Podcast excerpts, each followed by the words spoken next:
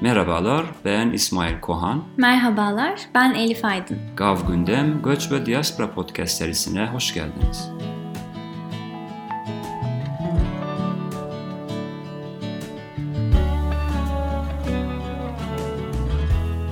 Merhabalar, e, bugünkü konuğumuz e, Doktor Aydoğan Asar hocamız. Evet hocam hoş geldiniz. Teşekkür ederim, hoş bulduk. Hoş bulduk. Podcast'imizin ikinci serisinde Yabancılar ve Uluslararası Korunma Kanunu'nun maddelerini konuşuyorduk. E, yaptığımız son bölümde e, yabancıların ülkeye giriş yasağı ile ilgili maddeleri konuşmuştuk. E, bugün ise ikamet izni ile ilgili maddeleri hocamızla konuşacağız. Genel olarak ikamet izninin ne anlama geldiği ve ikamet izni bir e, ülkenin göç e, politikasında e, ne kadar önemli olduğunu e, konuşacağız. Podcast'in ikinci bölümünde ise ikamet izinlerinin türlerini ve bu izinlerin e, hangi amaç ile e, farklılaştığını konuşmayı planlıyoruz. Şimdi hocam ikamet dediğimiz zaman aslında bir ülkenin göç politikasında vize veya ikamet uygulaması e, göç politikanın önemli parçalarını oluşturduğunu görüyoruz. Şimdi ikamet izni dediğimiz zaman aslında bu neyi ifade ediyor? Ne anlamamız lazım?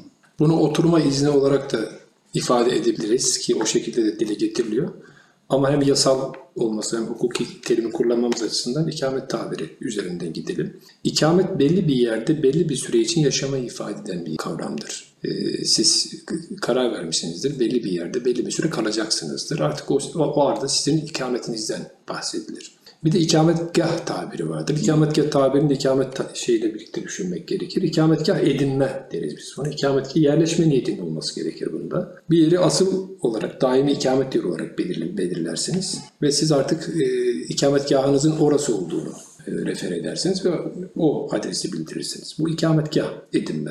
Yabancı hukukunda ikamet en temel kavramlardan birisi. E, çünkü yabancıyı yasal olarak ülkede bulundurabilmeniz için ikamet kavramını e, aynı anda düşünmeniz gerekir. Özellikle ki uzun dönem ikametten bahsediyorsanız, vize sürelerinden daha uzun sürelerden bahsediyorsanız buradaki aklınıza gelecek yegane terim ikamet kavramıdır. Hmm.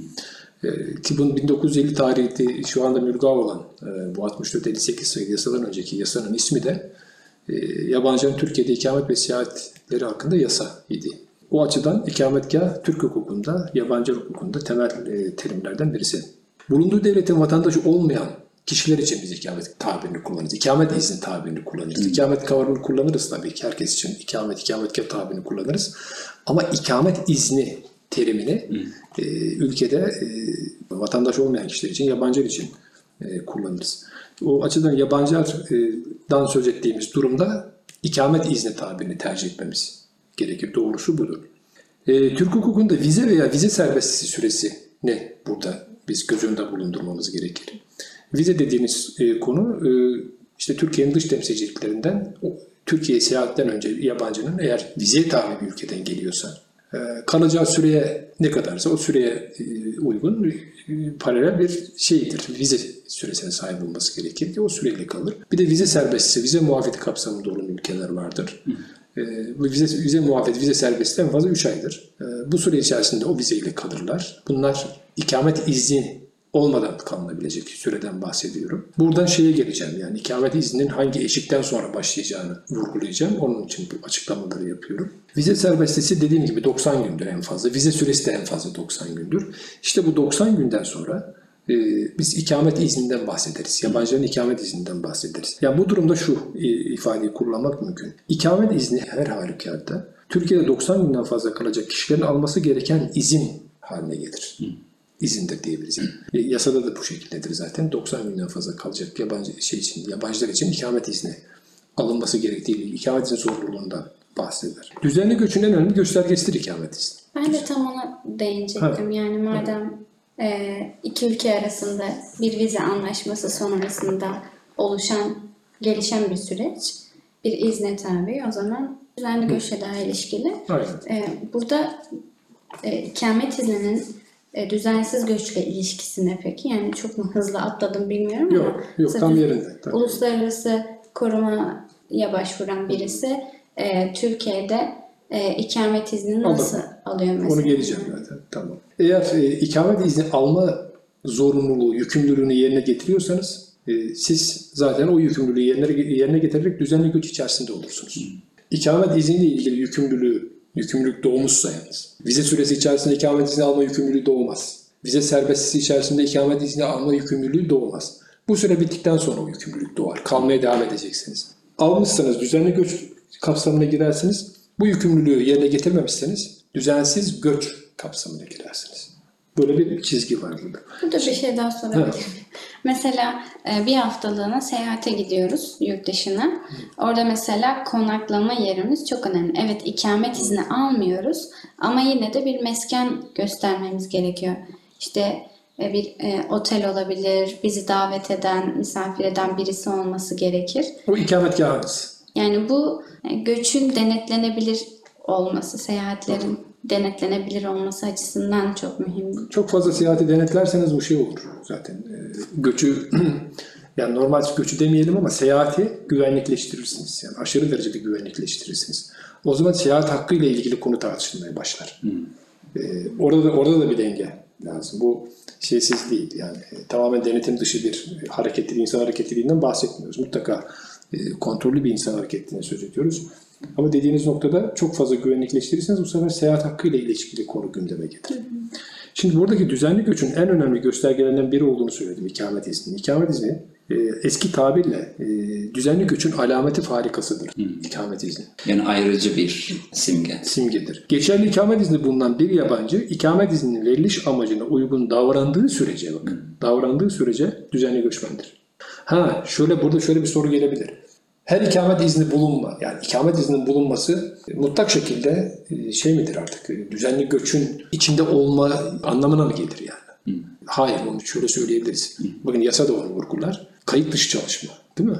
Kayıt dışı çalışma. Çalışma izni olmadan çalışma, düzensiz göç olarak nitelendirilir yasada. İkamet izni olabilir ama ikamet izniniz varken kayıt dışı çalışıyorsunuz. Çalışma izni olmadan çalışma hayatının içindeyseniz bu sefer siz ikamet izinli olarak, ikamet izni bulunsa da düzensiz göçmen sınıfına giriyorsunuz. Böyle bir durum. Madem konu çalışma izninden açıldı, YUK'la beraber e, ve Uluslararası İş Gücü Kanunu ile birlikte de e, çalışma izni ikamet izni yerine geçiyor aynı zamanda. Böyle de büyük bir değişiklik var. Bunu nasıl değerlendiriyorsunuz? O izinlerin tek e, tekleştirilmesi şeyiydi, adımıydı. O da çok da iyi oldu. 64-58 sayılı yasadan önceki uygulama nasıldı biliyor musun? Önce çalışma izni alınıyordu ilgili birimden. Ki o uzun süre hazine müsteşarlığı verdi bu izinleri. Daha sonra Çalışma Bakanlığı'na geçti. 4817 sayılı yasadan sonra. Önce çalışma izni alıyor, alınıyordu. O çalışma izninin geçerli addedilebilmesi için e, İçişleri Bakanlığı'ndan, Emniyet Genel Müdürlüğü'nden ikamet izni alınması gerekiyordu. Yabancı Hudut İltica Dairesi Başkanlığı da o zaman. Oradan ikamet izni alınması gerekiyordu. Çalışma iznini aktive eden İçişleri Bakanı'nın vereceği ikamet izniydi. Çalışma izni, ikamet izni verilmediği takdirde geçerli, geçerli olmuyordu. O zaman nasıl bir durumla karşı karşıyaydık? Bir yabancı çalışma izni için ilgili kurumdan çalışma izni alıyordu. Çalışabilmesi için çalışma izni alıyordu idi. Şeyden de İçişleri Bakanlığı'ndan da çalışma amaçlı ikamet izni alıyordu. Yani iki izin alınmak durumundaydı. Bu, bu bir şeydi, bürokrasiydi. Bu işi e, zorlaştıran bir konuydu. E, çok rasyonel de bir durum değildi. Ama o zamanki yasa, yasal e, durum, e, mevzuat itibariyle böyle bir izin e, şeyle, izin süreci zorunluydu. O şekilde yürüyordu ki bu yeni yasayla düzeltildi. Çok dolu, tekli bir yapıya kavuşturuldu. Biz aslında göçmen deyince son zamanlarda çok fazla işte mülteciyle eşleştiriyoruz ama mesela yurt dışından gelen tırnak içerisinde nitelikli iş gücünün de ülkeye girebilmesi için e, bu kanun kolaylaştırıcı bir etkiye sahip. Çünkü o büro- bürokratik süreç ortadan kalktığı için e, Türkiye'ye böyle bir işte beyin göçü de olabilir, fiziksel e, iş gücü olarak da o iş gücünün gelmesini kolaylaştıran bir süreç olmuş. Yani. Mutlaka bu bir teşvik tabii ki. Kolaylaştırma alanda teşvik. Şimdi ikamet izni devam edeyim isterseniz. İkamet izni mahiyetiyle ilgili yani sorudan devam edeyim. Bir kere ikamet izni devletin yabancı ile ilgili tasarrufunda olumlu bir göstergedir. Yabancı ile ilgili bir tasarrufta bulunuyor devlet ve bunu ikamet izni veriyor. Bir yabancı devlet ikamet izni verdiyse o yabancı ile ilgili kanaati son derece olumlu ve ülkede bulunmasına hiçbir sakınca görmüyor anlamına gelir. Bir, bir olumlu bir şeydir, göstergedir. Güvenlikten diğer koşulların sağlanmasına kadar Bakın güvenlikten diğer ikamet izniyle ilgili hangi izni alacaksa o koşullar sağlanmasına kadar te- belli şartları yerine getirmiş bir kişiden söz ediyoruz demektir. Yani o şey ikamet izni vermişse. İkamet izni yabancı lehine ileriye dönük avantajlar sağlayan bir izindir. Vatandaşlıktan uzun dönem ikamet iznine kadar. İkamet izni böyle salt izin değildir onu diyeyim yani.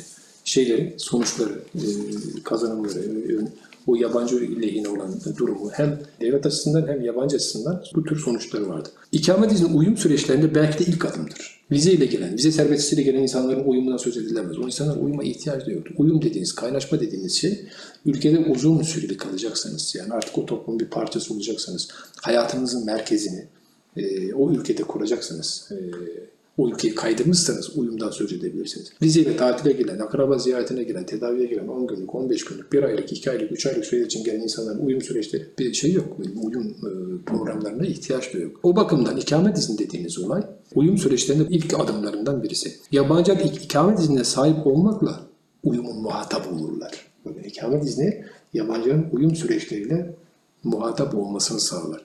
Göç yönetiminde, bakın göç yönetiminde kolaylaştırıcı bir fonksiyona sahiptir. İkamet izni dediğim gibi o izin verinceye kadar ki geçirdiğiniz evreler, araştırmalar, o kişiyle olan kanaatiniz oluşması, koşulları sağlayıp sağlamadığının tespit edilmesi. Tamam bu süreç ne yapar? Sizin düzenli şeyde e, göç yönetiminde işinizi kolaylaştırır. Hocam tam burada bir şey sorayım mı? Mesela siz e, sürekli derslerde de vurgu yapıyordunuz bu konuya.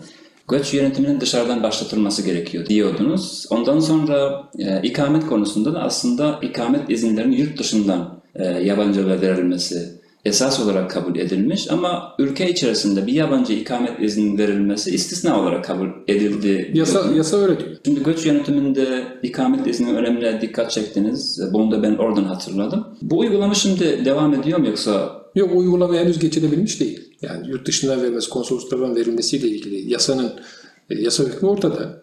Ee, ama uygulamayı geçirebilmiş değil. Bir tabii bir hazırlık gerektirecek. Orada bir e, şey gerektirecek, yapı gerektirecek.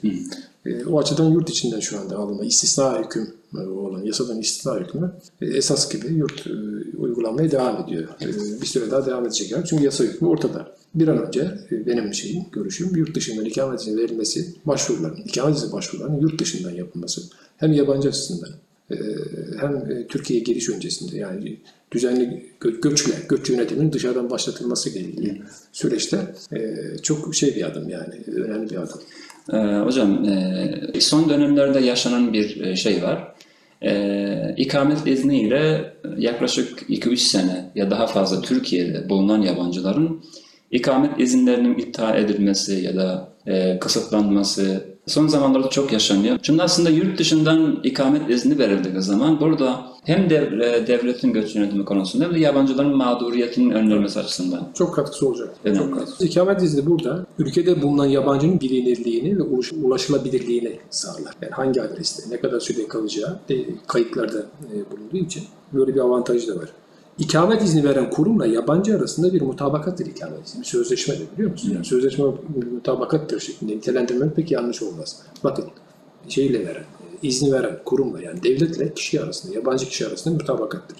Neden mutabakattır? Niye böyle bir şey söylüyorum? Çünkü izni alan yabancı yönünden haklar ve sorumluluklar doğurur ikamet izni. İzni alan yabancı tarafından, yabancıya, yabancı yönünden haklar ve sorumluluklar doğurur.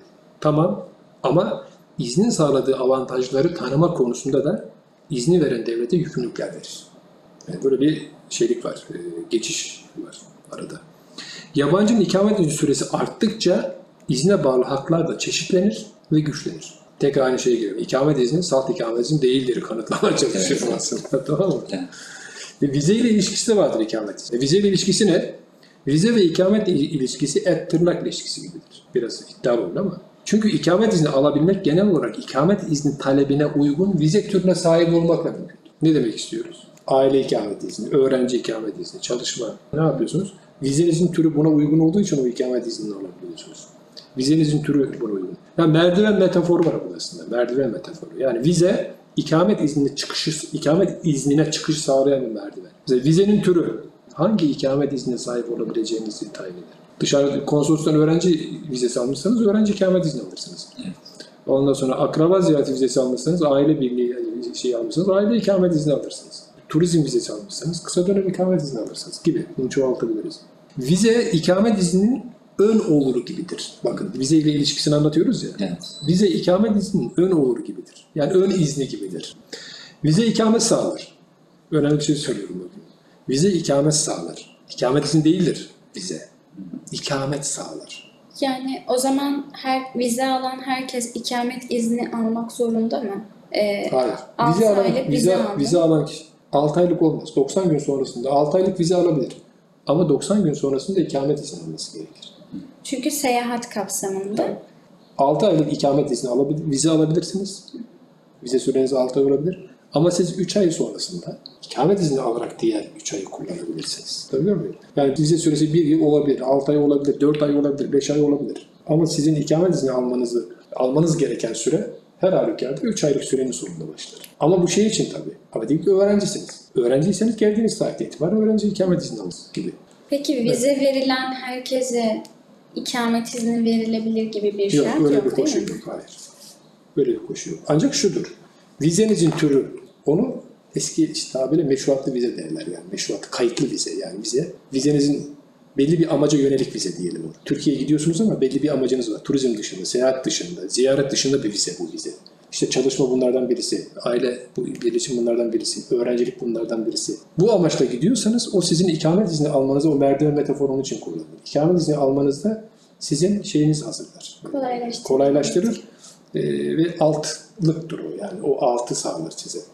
Yani normal turist vizesiyle geldiniz veya vize serbestisiyle geldiniz, vize muafiyetiyle geldiniz. Ya ben Türkiye'de işte belli bir amaç için ikamet izni istiyorum. Şu amaç için, bu amaç için denildiği zaman idare şuna bakar.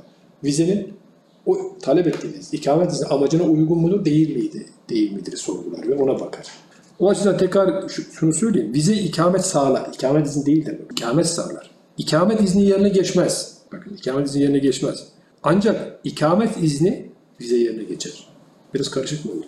Yok anladım. Tamam. İkamet izni vize İkamet, yerine. ikamet izni vize yerine geçer. Bu ne demek? Kanunda da ifadesi edilmiştir bu. Geçerli bir ikamet izniyle eğer vizeye tabiyseniz vizesiz olarak Türkiye'ye giriş yapın. Bu aslında bir kolaylık sağlamış Hayır, durum. hayır. Tabii ki Türkiye'de ikamet iz- izni olan bir kişi o iz- iznini kullanmak için Türkiye'ye geliyorsa konsolosluğun vize almasının zorunlu tutulması kadar anlamsız bir şey olabilir mi? Olmaz. Hatta vizeyi konuşurken şöyle diyorduk ya. Yani ikamet izni vizeden e, çok daha e, gelişmiş bir prosedür ve daha detaylı bir inceleme E, gerektirdiği tabii için daha ileri bir süreç. E, vize alan herkesin de ilgili ülkeye Evet. gidebileceğinin bir garantisi yok demiştiniz. Hayır. E, izin almış olabilir ama ülkenin sınırında belki geri Hayır. çevrilebilir. Aynen. E tabi burada şey yaparken bu kadar ikamet izin mahiyetini anlatırken şöyle bir soru gelecek size muhtemelen. İkamet izin verilirken ölçü nedir o zaman? Şey şu, ne çok kolay ne de çok zor olmalı ikamet izniyle ilgili e, vermedeki ölçü. Neden? Vizede olduğu gibi bir duruma karşılaşırsınız. Vizede zorlaştırırsanız bakın. Vizede zorluk nasıl ki düzensiz göç üreten bir mekanizmaya, mekanizmaya dönüşebiliyorsa ikamet izninin erişilmez olması da kayıt dışı kalışı artır. Öyle de olmaması gerekir. Bu da göçün yönetilememesi. Tabii. O zaman ne olacak? Düzensiz göçmen sayısının artmasında çarpan etkisi yaratırsınız. Hem vizeyi zorlaştırır hem ikamet izni zorlaştırırsanız e, siz düşünün. Bu sefer düzensiz e, göçü teşvik edersiniz. Türkiye gibi ekonomisinin mesela bir kısmı düzenli göçten elde edilen ekonomi bağlı olması sebebiyle düzenli göç yönetimi konusunda ne kadar e, kolaylık sağlanırsa ülke ekonomisine bir şeyler katıyor değil mi? Yani Tabii kapsamlı bir planlama yapılabilirse, kapsamlı bir planlama, ihtiyaç analizi yapılabilir, ona göre hareket edilirse mutlaka o tür avantajları zaten olacaktır. Onda şey yok. Çünkü ikamet izni dediğiniz olay Türkiye'de bulunan yabancının bulmuş amaçlarını da açıkça ortaya koyar. Bakın çok önemli bir veridir bu. Profilde görüyorsunuz. Ee, yabancıların e, yani ne kadar yabancı Türkiye'de hangi amaçları ne kadar süreyle bulunuyor. Değil mi? yani bir şekilde ülkenin düzenli göçmen e, yapısını Aynen. belirlemek Yani açısından. e, hangi ikamet izni türünde kaç yabancı var? Hangi ikamet izni türünde nerede kaç yabancı var? Bu bilgi sizi neyi sağlayacak? Göç yönetiminde politika üretmenizi sağlayacak. Önünüzü görmenizi Zaten bu bilgiler de Göç İdaresi Başkanlığı e, Ya web sitesinde de mevcut. İkamet çeşitlerinden e, ona geçmeden önce belki ikamet izni çeşitlerini isimleriyle zik- zikredelim. Belki onunla ilgili ayrıntılar için ayrı bir e, şey yapmamız, bir Evet. program yapmamız gerekecek. Belki yani önerim olur. Çünkü çok uzar kapsamlı. Teker teker ikamet çeşitlerini isimlerini belirterek belki bu şeyde bu programda e, bitirebiliriz. Ondan önce şöyle bir şey aklına gelebilir dinleyicilerimizin. Türkiye'de kalacak herkes ikamet izni almak zorunda mıdır? Böyle bir şey akla gelebilir. Yani Türkiye'de kalacak herkes ikamet izni almak zorunda mıdır? Tamam anladık şunu. Vize ve 90 gün sonrasında ikamet izni alınması gereklidir. Bu yasa hükmü dedik. Ancak herkes bu izni alır mı? Yani şöyle sormak da mümkün. Bu iznin yerine geçen başka izin ve statüler var mıdır? Ki uluslararası koruma. Başta söylediğin Elif Hanım o. Değil mi? Evet. Var mıdır? İşte bunu, bunu yanıtlamak lazım. Bu, burada bu hem yasada var bu zaten. Hem de biz biraz daha açalım bunu. Mesela vize veya vize e, serbestisi süresi. Dedim ya, ikamet izni yerine geçmez ama ikamet sağlar. Vize süresi içerisinde 90 güne kadar, vize muafiyeti süresi içerisinde 90 güne kadar ikamet izni alınmaz. 5901 sayılı Türk Vatandaşı Kanunu 28. maddesi kapsamında verilen mavi kart. Mavi kart sahipleri ikamet izni almazlar, muaftırlar. Vatandaş kişi kimlik belgesidir. 64-58 sayılı kanunun 50. maddesi kapsamında verilen belgedir bu. Belge ikamet izni yerine geçer. Ve bunlar ayrıca ikamet izni almazlar. Ondan sonra mesela NATO personeli, NATO kapsamında Türkiye'de bulunan askeri personel ikamet izni almaz. Onlar e, şeyle, e, kimlik kartlarıyla Türkiye'de kalabilirler. İkili anlaşmadır çünkü. Mesela diplomasi ve konsolosluk memurları. Değil mi? Bir Ankara'dayız değil mi? Diplomasinin merkezi burası yani konsul şeyler, büyükelçilikleri. Buraya Zaten onların toprağı olarak geçtiği için Yok, zaten ikamet yok mantık o değil ama orada. değil mi? Mantık o değil, onların toprağı değil de burada esas bunların şeyi e, diplomatik ilişkiler hakkında Viyana Sözleşmesi ile iki tane şey var, iki sözleşme. Diplomatik ilişkiler hakkında Viyana ve diplomatik ilişki, konsolosluk ilişkiler hakkında Viyana Sözleşmesi. İkisi de Viyana Sözleşmesi de bunların 60 tarihli. Bu iki sözleşmeye göre, bu, bu iki sözleşmeye tarafsanız ülkenizdeki diplomatları, diplomasi temsilcilerini ve konsolosluk temsilcilerini konsolosluk memurlarını ayrı bir o sözleşmeler kapsamında yürütmek durumundasınız. Bunların kimlik kartı verilir. Statülerine uygun kimlik kartı yani durumlarına uygun, görevlerine uygun kimlik kartı çeşitleri vardır. Dışişleri Bakanlığı ile İçişleri Bakanlığı belirler bunu. Ee, bu kimlik kartları ikamet izni yerine geçer. Onlar burada görevli oldukları süre içerisinde. Görevleri bittiğinde kimlik kartlarının süresi de biter. İkamet izni kal kalmaya devam edeceklerse ikamet izni almak zorundalar. O zaman bu aynı zamanda pasaport gibi de kullanılabiliyor mu? Yoksa pasaporta ihtiyaçları İkamet izni var yerine geçer. Tamam. Pasaport değil. Pasaportları var zaten. Diplomatik pasaportları var. Pasaportlar ayrı. Ama ikamet izni yerine geçer. Sizin diğer yabancıya verdiğiniz ikamet izni almaz bunlar görevleri süresince. Ya aslında bu kimlik kartları çalışma izni. Türkiye'de diplomasi, diplomatik temsilci ve konsolosluk memuru var. Çalışma iznidir aslında. Ondan sonra e, başka bir şey. Turkuaz kart sahipleri. Değil mi?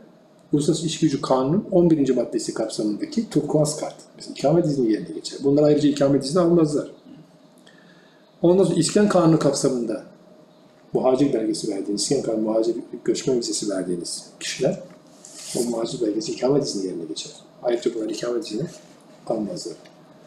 Bu tür ayrıntılı şey yapmamız lazım.